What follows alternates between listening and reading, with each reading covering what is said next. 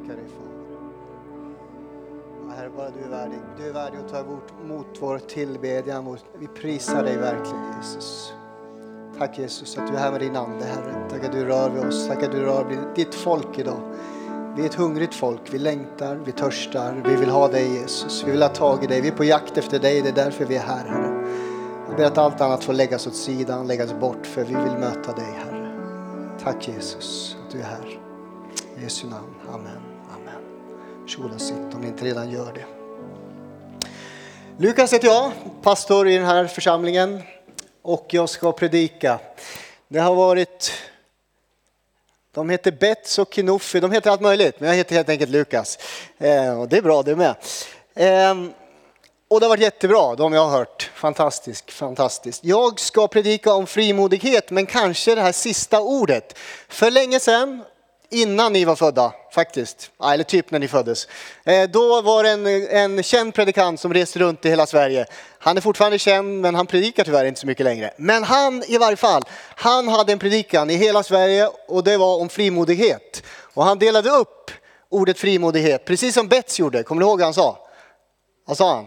Du är, du är, och du är så. Så han talar om att du är fri. Hallå, är ni med? Du är fri. Nu ska ni säga det. Du, jag är fri. Jag är modig och jag är het. Inte bara läcker, alltså du är het. Det finns en värme i dig därför att du har Jesus. Och jag ska tala om det här sista lilla ordet, att vara het.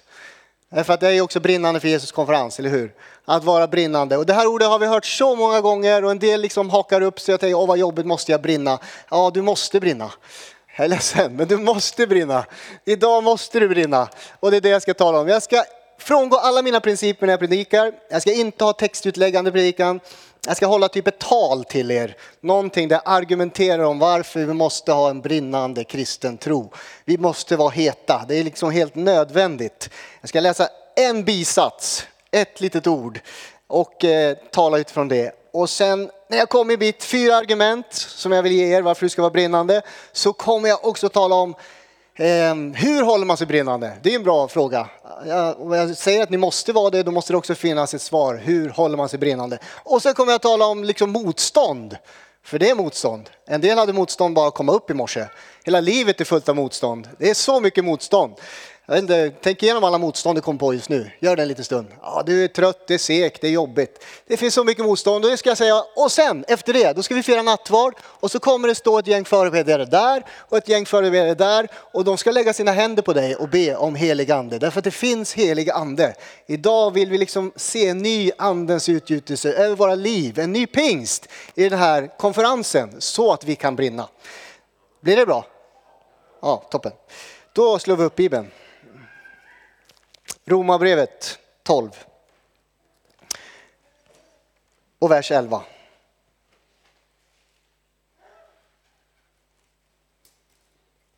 Och jag läser hela, hela versen, men det är egentligen bisatsen där som jag vill tala om. Det står så här, slappna inte i er iver. Det står ju där också, idag behöver ni inte ens slå upp det nästan. Eh, det här är så kort. Håll er brinnande i anden. Tjäna Herren. Håll er brinnande i anden. Fyra uppmaningar varför du ska hålla dig brinnande i anden. Här kommer den första. För Guds skull. Eller hur? För Guds skull, ni vet det är sådana uttryck man uttrycker. För Guds skull, ja, håll dig brinnande i anden. Varför då? Därför att om du brinner, om du är het, om du är entusiastisk, om du är passionerad över den du följer, Jesus Kristus. Det säger någonting om vem Gud är, eller hur? Och om vi är liksom likgiltiga, slappa, trötta hela tiden, då är det, det avspeglar ju inte riktigt den Gud som vi tror på och följer. Så för Guds skull, håll dig brinnande i anden. Du behöver liksom ah, avspegla honom hela ditt liv. När ni går härifrån efter den här helgen så låt det, liksom, det här som ni har varit med om, låt det liksom avspegla sig i era liv när ni går ut på skolan, på jobbet och där ni är. Så för Guds skull, håll dig brinnande i handen. Han är värd att vara entusiastisk över Jesus. Jag vet att jag hade en predikan om det förra året kan vi vara lite mer entusiastiska över Jesus, vem han är och vad han har gjort för oss. Därför att Jesus ensam förvandlar människors liv. I 2000 år har han förvandlat mänskligheten ska jag säga. Han har förvandlat enskilda individer, han har störtat tyranner, han har förvandlat hela civilisationer, länder faktiskt. Han har fått, gjort så att mänskligheten har en ny syn på både barn, kvinnor, slavar.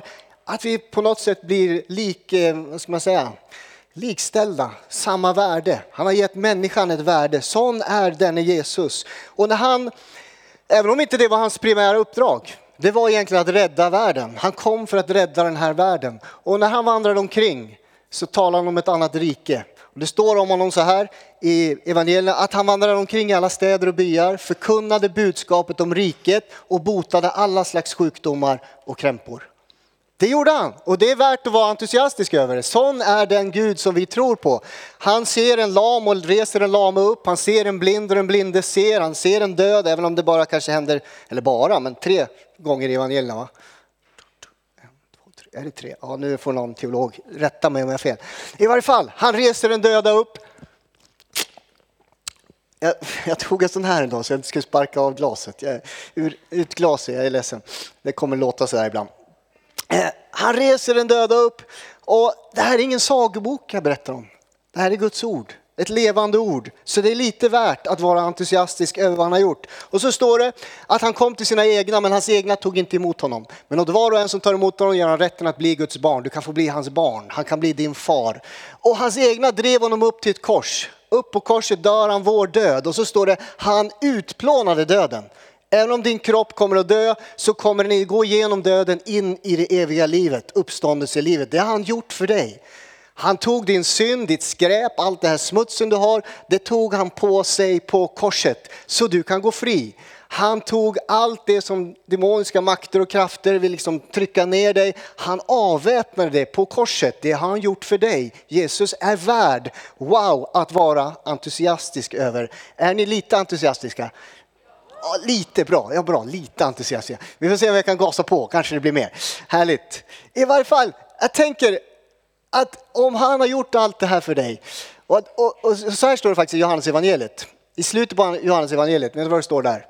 Om man skulle berätta allt som Jesus har sagt och gjort så skulle inte världen rymma alla böcker. Det är ju det är en man att tala om. Alltså hela jorden skulle inte rymma alla böcker om vi skulle beskriva allt som Jesus sagt och gjort över 2000 år så skulle inte ens den här världen rymma det.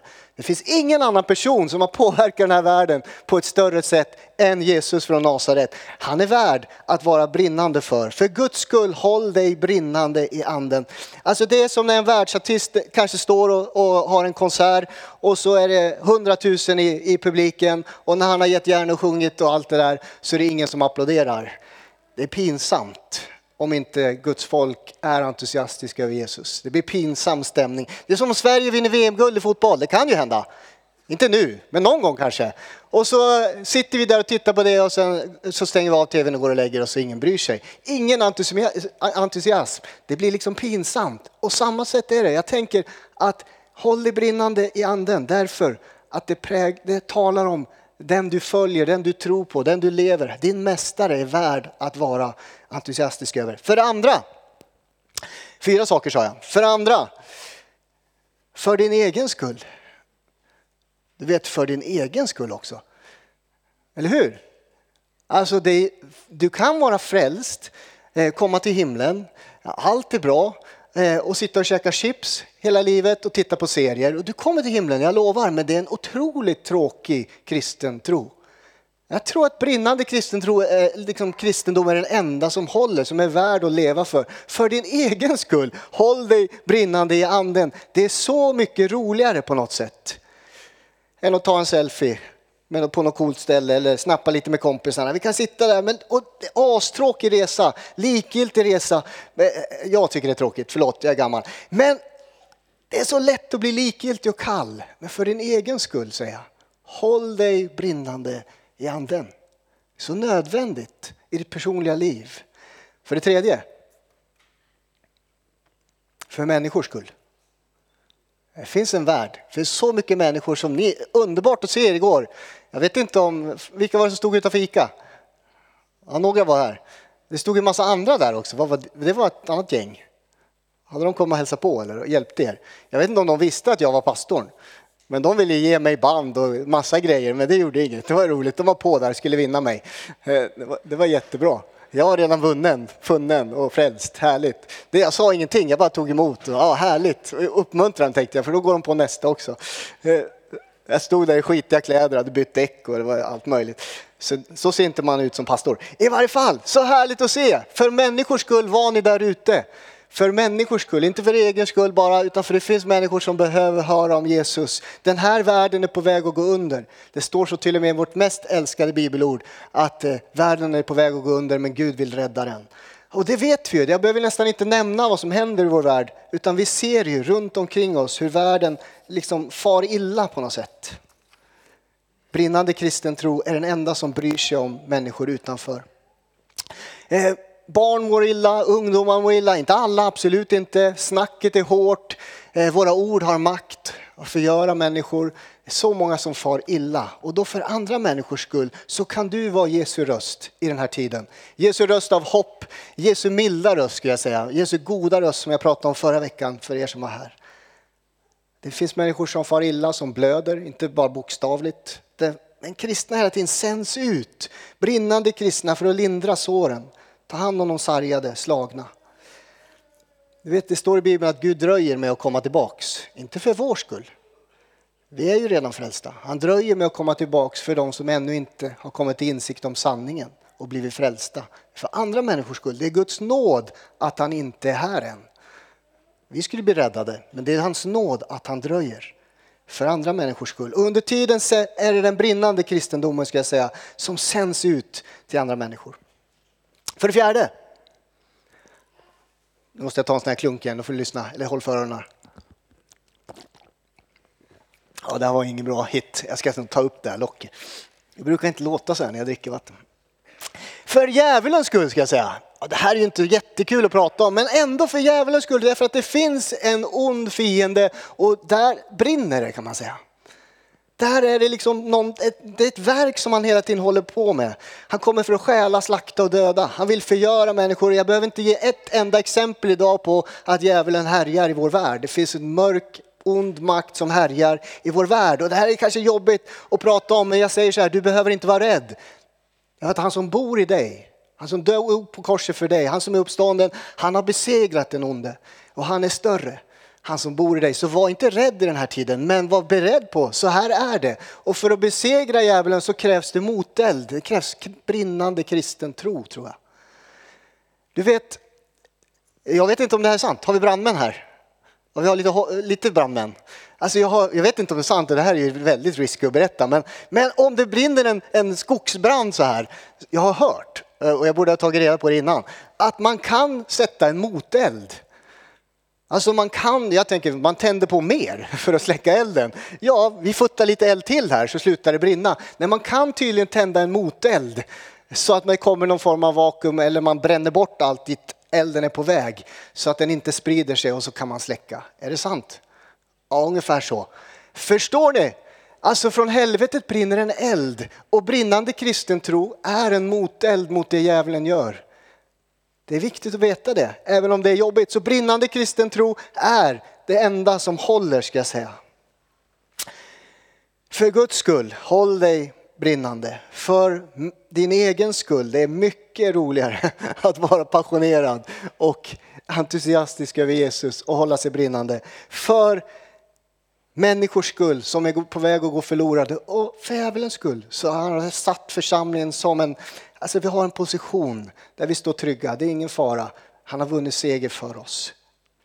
Okej, okay. hur är det här möjligt då? För det är liksom, man kan ju bli så här, eh, vad jobbigt, för ni har ju hört det. Hur länge har vi haft den här konferensen? Jag tror det är ja, 25 år kanske. Mer, 30 år kanske, jag vet inte. Länge, länge, länge har vi förkunnat håll er brinnande i anden. Eh, varje brinnande för Jesus konferens. Det är under lång tid och då har man hört det här så mycket och då tänker man hur ska jag klara av det här? Och då ska jag berätta det för dig. Eh, jag talar inte om ett särskilt beteende, jag talar inte om något påklistrat, hajpat, eh, även om det är jättekul att ni gör alla de här grejerna. Kom ihåg det alla ni som har gjort det här. Vi behöver sånt här ibland för att, för att Eh, vi paketerar in budskapet i snyggare eh, papper helt enkelt. På det sättet så blir det roligare att gå på konferens. Men det är inte det som håller. Det är inte att liksom vi har pumpat upp oss nu och sen går vi hem och på måndag då, då hittar du inte ens din bibel, eller hur Josef? Ehm, Förlåt Josef, han har lånat en bibel här. Nej, men det, så där kan det vara i livet. Och så en vecka senare så bara, ja det var bra förra helgen men nu har jag helt glömt bort vad som hände. Och så, kanske det håller en månad, ibland ett halvår. Och jag tror inte att brinnande kristen tro handlar om det. Att några dagar sådär tills vi i Fyrahöjden ordnar en till konferens, ett nytt läger och så vidare och så vidare. Även om vi älskar det. Utan det finns en brinnande kristen tro som håller Dag för dag för dag, vecka för vecka för vecka. Jag tror det därför att det finns något som heter helig ande. Helig ande är tillgänglig för oss som tror. Alltså Gud har sänt en hjälpare som ska finnas i dig, bo i dig, vara i dig. Så håller den här elden, lågan brinnande. Det finns helig ande, därför är det möjligt att vara brinnande. Och jag ska förklara lite mer. Andra Mosebok 3 och 2 Eh, ni hinner inte slå upp det, jag är ledsen. Men där är det Mose. Han, är, eh, han, har lämnat, han har lämnat Egypten, han har vuxit upp, blivit stor, eh, gammal, vuxen menar jag. Och så är han där ute i öknen och så helt plötsligt ser han en eld i en buske som brinner. Den här texten kan ni. Och så står det så här, precis så här står det. Herrens ängel visade sig för honom i en eldslåga som slog ut ur en buske. Och Mose såg att busken stod i låga utan att brinna upp. Det här är viktigt, hör ni det? Busken brinner utan att brinna upp. Och det är precis det jag försöker förklara för er, att brinnande kristendom, det är att brinna för Jesus utan att brinna upp, utan att förgås, gå under, känna jag blir bara pressad av att följa Jesus. Nej, det finns en eld, det finns helig ande att få. Man kan ju filosofera över busken, jag vet inte om ni har hört predikningen om busken. Vad var det för exceptionellt med denna buske? Varför brinner den inte upp? Vad var den gjord av? Hur klarar den av att stå där emot hettan? Ja, man kan prata hur mycket som helst om busken, men busken är helt ointressant. Kasta bort den där busken. Det som är intressant är hur kan det brinna i ditt och mitt liv? Det är det som är frågan. Jag vill att det brinner hos mig, inte någon buske för 3000, 3500 år sedan. Strunta i busken. Hur kan det brinna i mitt liv? Och då handlar det inte om dig. Vad var lågan? Det är lågan som är intressant. Det var Guds eld. Det var Guds låga. Det var Guds ande. Det var inte brusken som var intressant. Det är inte egentligen du som är så intressant om du ska brinna. Alltså det är att du får Guds eld. Du får tag i elden från Jesus. Från, han sänder sin ande. Och då finns det en princip i Bibeln att elden kommer efter offret. Nu får ni tänka. Elden kommer nästan, om man kollar gamla testamentets principer och nya testamentets principer så kommer elden efter offret. När Elias står på berget Karmel Elia betyder Herren är Gud och han är på berget där, han har samlat hela folket, det är valborg på riktigt, folket är där. Och så, så han bygger ett altare och massa stenar och så lägger han dit en död tjur, det är offret. Och så häller han vatten över det och så börjar han be från himlen. Offret är redan förberett och så ber han och så svarar Gud med eld från himlen. Offret kommer före elden. När vi kommer in i Nya Testamentet, det står att Jesus är ditt och mitt offerlamm. Han har dött för vår skull på korset, det talar vi om i påsken. Han offrades först och eftersom att Jesus har öppnat vägen, han har offrat sig för oss, så finns all möjlighet att helig ande kan sändas över våra liv. För anden, elden kommer efter offret. Pingstdagen, 50 dagar senare, var de alla församlade i den där salen. De som var rädda, ja, de var rädda. Det står sig i Markus evangeliet. När de hade sett graven tom så står det de var rädda. Och så gömde de sig där i, i övre salen. De gömde sig inte, de var samlade i bön. Så rädda var de inte. Men de var där samlade. Och så kommer Guds ande, elden kommer som en stormvind över dem, fyllde dem. Och vad hände då? Ja, det hörde ni igår, Knuffe talade om kapitel 4 va. De klev ut, de klev fram. Det står att Petrus steg fram och så började han predika i helig andes eld. Människor hörde ordet, blev träffade i hjärtan och frågade vad ska vi göra för att bli frälsta? Det är anden som verkar genom Petrus. Och så säger han omvänd er, tro på budskapet. Eh, så ska ni få också den helige ande som gåva. Bekänn era synder så ska ni få den helige ande som gåva. Alltså, offret kommer först, sen anden. Vi lever i andens tid. Därför finns alla möjligheter att leva brinnande kristen tro Inte på grund av du, du är, du är svag, men han är stark. Han tänder liksom elden i våra hjärtan. Han har gjort allt möjligt för brinnande kristen tro. Det börjar med offer. Kanske behöver vi också offra ett och annat för att få tag i elden. Ibland är det så. Måste offra lite av det du håller på med. Så någonting kanske man måste göra. Romarbrevet som jag börjar med, Romarbrevet 12, läs här. Ni kan läsa det högt. Torsten, ta upp och läs, så dricker jag vatten så länge. Var med, var med.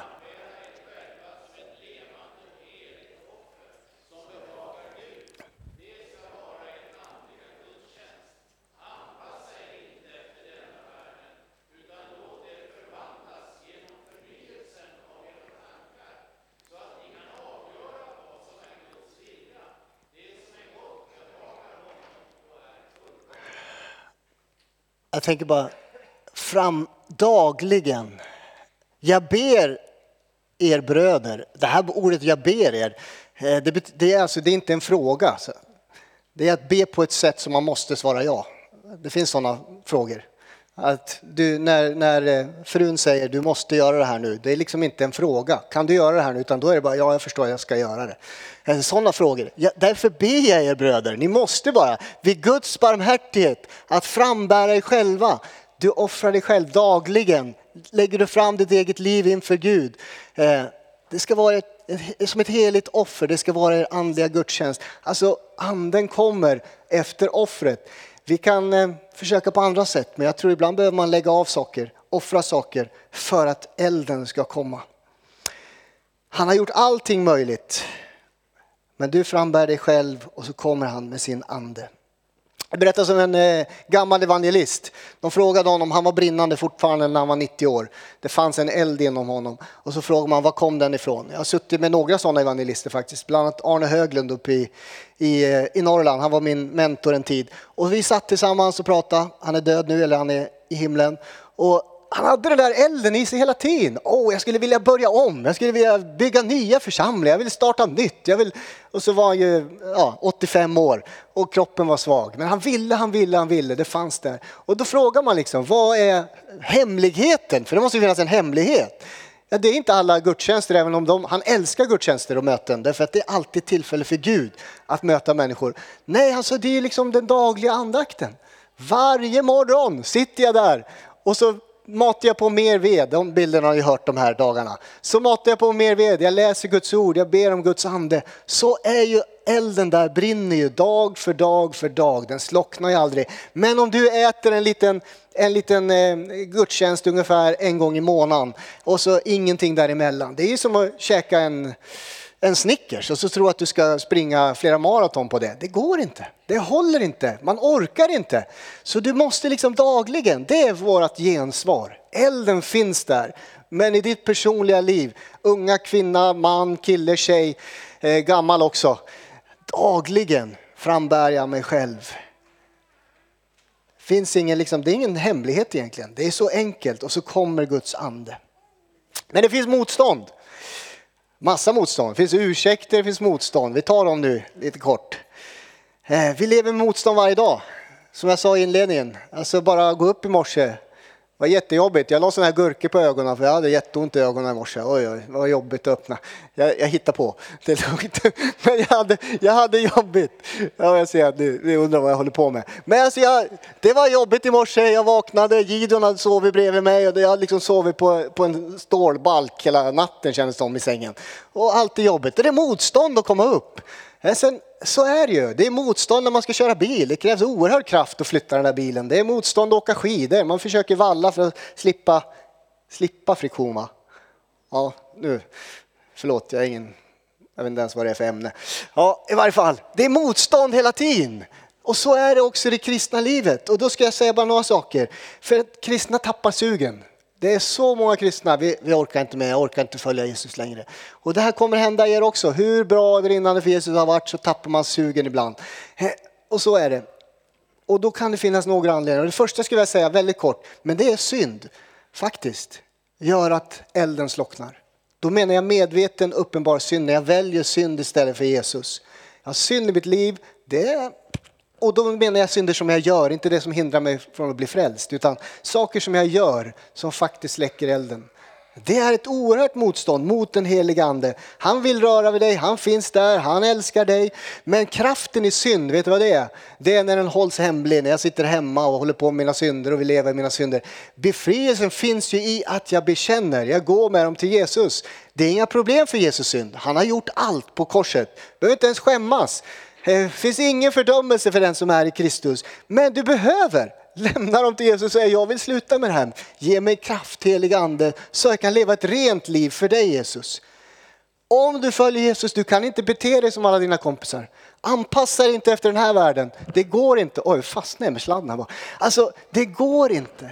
Du måste välja, göra val. Hela tiden måste vi göra val. Men när jag blev frälst då valde jag att inte vara med massa kompisar som inte var bra för mig. Jag valde bort, det låter ju jättehemskt, men jag valde bort under flera års tid att inte umgås med vissa personer därför jag visste att de för mig bort från Jesus. De leder mig tillbaka in i synd. Alltså sådana här tuffa val gör man ibland. Och du måste välja, lära dig välja bort saker. Eh, det är annorlunda bland oss som tror. Synden är en sån här riktig motståndare som hela tiden ta bort. Jag ska också säga världens alla åsikter som pockar på dig hela tiden. Från din telefon, från media, från allting. Det är sådana här motståndare eh, mot brinnande kristendom. På skolan, på jobbet, överallt tycker de och tänker de åt dig. Vad du ska tycka och tänka och hur du ska vara. Och så påverkar det oss fruktansvärt. Och har du inte ens en daglig eh, andakt när du läser ordet, lever i ordet, hör vad Gud säger. Då blir det ett oerhört motstånd mot brinnande kristen tro. Oerhört jobbigt. Därför att jag lyssnar mer på alla andra röster än på Jesu röst. Du måste vara i ordet igen. Därför att då, då kan det där motståndet skingras och så känner du yes, det är det jag vill följa Jesus. En sak till jag vill säga. Ett motstånd som jag ser, det är besvikelse och bitterhet. Så vanligt bland kristna. Du, och nu är det bättre att jag säger än att djävulen viskar i ditt öra. Du kommer bli besviken på Gud. Du kommer att bli eh, besviken på kristna syskon i din församling. Du kommer att bli besviken på att Gud inte svarar på din bön. Vi har bett för människor, och det här menar jag verkligen, vi har bett för människor som har varit sjuka och som har dött. Är, man blir besviken. Man blir så oerhört besviken och det kan bli ett hinder från att Guds ande kan verka i ditt liv, därför att du blir bitter. Jag säger bara så här, det får vara hur besviken du vill, men jag skulle önska att du kastar dig i Jesu famn istället för in i bitterhet och besvikelse. Alltså spring till honom, inte bort från honom när allt det här drabbar dig. Jag säger det till dig därför att djävulen brukar viska.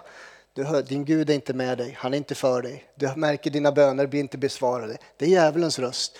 Men besvikelsen kommer, men då får man hela tiden spring till Jesus. Jag har blivit besviken många gånger för att Gud inte grep in. Ändå så vill jag söka mig nära Jesus. Kommer din eld igen. Besvikelse kan vara sådana motstånd. Bitterhet. Kasta dig på Jesus snabbt. Så har jag sagt, för Guds skull håll dig brinnande, för din egen skull, för människors skull, för djävulens skull, så håll dig brinnande i anden. Det finns helig ande, det är tillgängligt för dig, därför kan du brinna. Och när motstånd kommer, kasta dig då, lev nära Jesus. Det är hela vårt tema i den här eh, församlingen. Lev närmare Jesus, lev också nära din gemenskap av troende, kristna bröder och systrar. Där finns det värme. Du kan inte vara som ett vedträd som är utanför brasan, du måste vara i för att hålla dig varm. Lev också nära människor här ute i Alunda lyssna på deras rop, deras behov, då håller man sig också brinnande. Man blir angelägen om att finnas för någon annan. Jag menar inte att du kan rädda alla, men du kan faktiskt för någon, betyda något för någon. Och så känner du, yes, jag gör skillnad i den här världen. För vi är kallade att leva för något större. Brinnande kristendom är att leva för någonting större, för Guds rike. Det är det vi vill se manifesteras. Så, för Guds skull, din egen skull, människors skull, djävulens skull, håll dig brinnande. Jesus har gjort allt, det finns helig ande tillgänglig för dig. Jag säger om du har blivit likgiltig och kall, han kan tända dig igen. Det är lugnt, du är ju här. Varje gudstjänst är en tillfällig, liksom en möjlighet för Jesus att röra, röra vid dig. Det kan vara så att du går hem och så har inte hänt någonting, men det finns ett tillfälle nu att få ta emot helig ande och blir berörd av honom på nytt. Nu ska vi be en bön. Tack Jesus. Tack Jesus. Tackar dig Herre för, för det här ordet, Herre. Jag har läst några bibelord och försökt prata om dig, Herre. Och jag ber, Herre, att du, du tänder våra hjärtan igen, Herre. Det är bara du som kan göra det. Vi försöker på alla möjliga sätt och så blir vi lite entusiastiska ett tag och så brinner det ut. Men vi vill leva med lågor som brinner hela tiden, dagligen, vecka efter vecka, år efter år, ända in i himlen. Vill vi att det ska finnas en passion över vem du är, Herre. Tack Jesus. Tack Jesus. Du ser den som är trött och modlös, Herre. Det blir vi ibland. Unga män och kvinnor kan bli det, Herre. Gamla också, vi kan bli trötta, men du lyfter oss, Herre. Du kommer med, liksom, och lyfter oss på nytt, Herre. Som örnen lyfter får vi lyfta igen, Herre. Tack att det inte är tid att landa och slå sig till ro, utan det är tid att lyfta. Ge sig ut och göra ditt verk, göra ditt ärende här i världen, Herre. Tack Jesus. Tack Herre. Halleluja. Vi i Jesu namn. Amen.